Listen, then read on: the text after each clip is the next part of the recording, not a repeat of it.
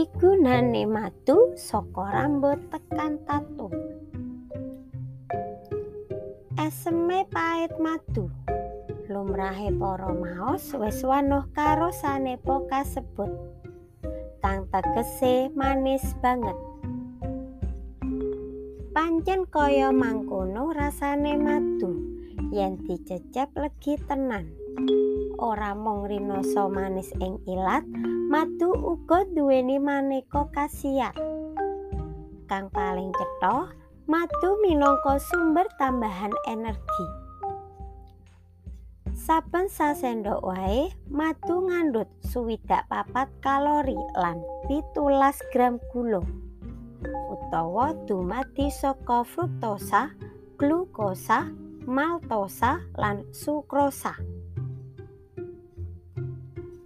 Glukosa kang gampang diserep bisa aweh energi langsung sawise madu disesep.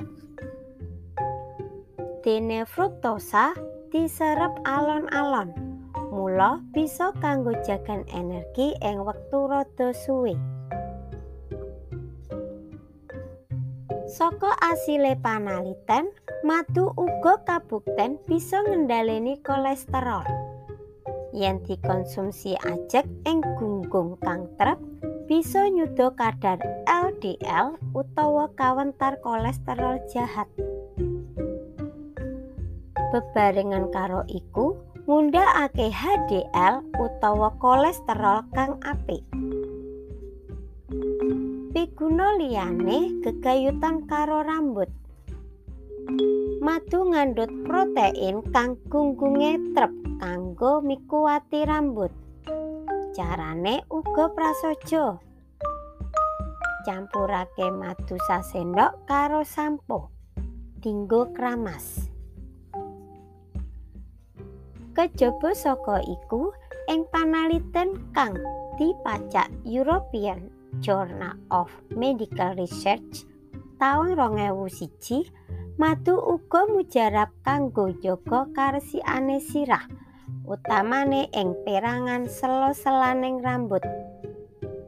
Carane madu dicampur banyu anget banjur kanggo dioser-oserake selo-selaning rambut. Sawise dinengake utuh karo telung jam banjur dibilas nganti resik. Ditindakake ajek seminggu pindho utawa ping telu. rambut lan selo-selaning dadi resik. Rasa seger ora ana maneh ketombe. Madu uga wis wiwit jaman kuno makuno manjur kanggo ngusadani tato.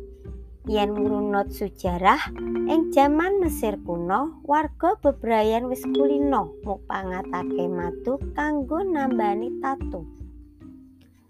ora mung saderma gugon ananging sabanjure uga akeh panaliten magepokan karo bab iku panaliten-panaliten iku miyak yen madu ngandhut zat kang piguna kanggo antibakteri lan antiinflamasi ya lelorone iki kang nyengkuyung pangusadane tato Legine madu duweni piguna kanggo nyarasake lelara watuk. Legining madu bisa ngrengsengake produksi cairan ing tutuk kang piguna kanggo nyegerake telak. Kanthi mangkono, anggone dehem-dehem uga sudo. Kejaba saka iku, padha karo kang wis dirembuk ing dhuwur, madu ngandhut antibakteri. Dadi bisa nyirnakake bakteri utawa jinis tinamtu kang maune nemenake lelara watuk. Ananging awet saka legine iku konsumsi madu uga ora kena jor-joran. Kalori lan zat gula kang dhuwur kudu diwaspadani dening pawongan sing wis duwe panandang lelara gula utawa diabetes. Ojo lali uga nggatekake bab alergi. Sopo ngerti ana sing sejatine alergi karo serbuk sari. Kamangka ya saka kono iku madu diasilake. Yen nganti lirwa, nyecep madu karepe pengen bregas, tibake malah gatelen utawa wahing jebres-jebres. Kapetik saka panyebar semangat nomor patang puluh telu rolikur Oktober 2022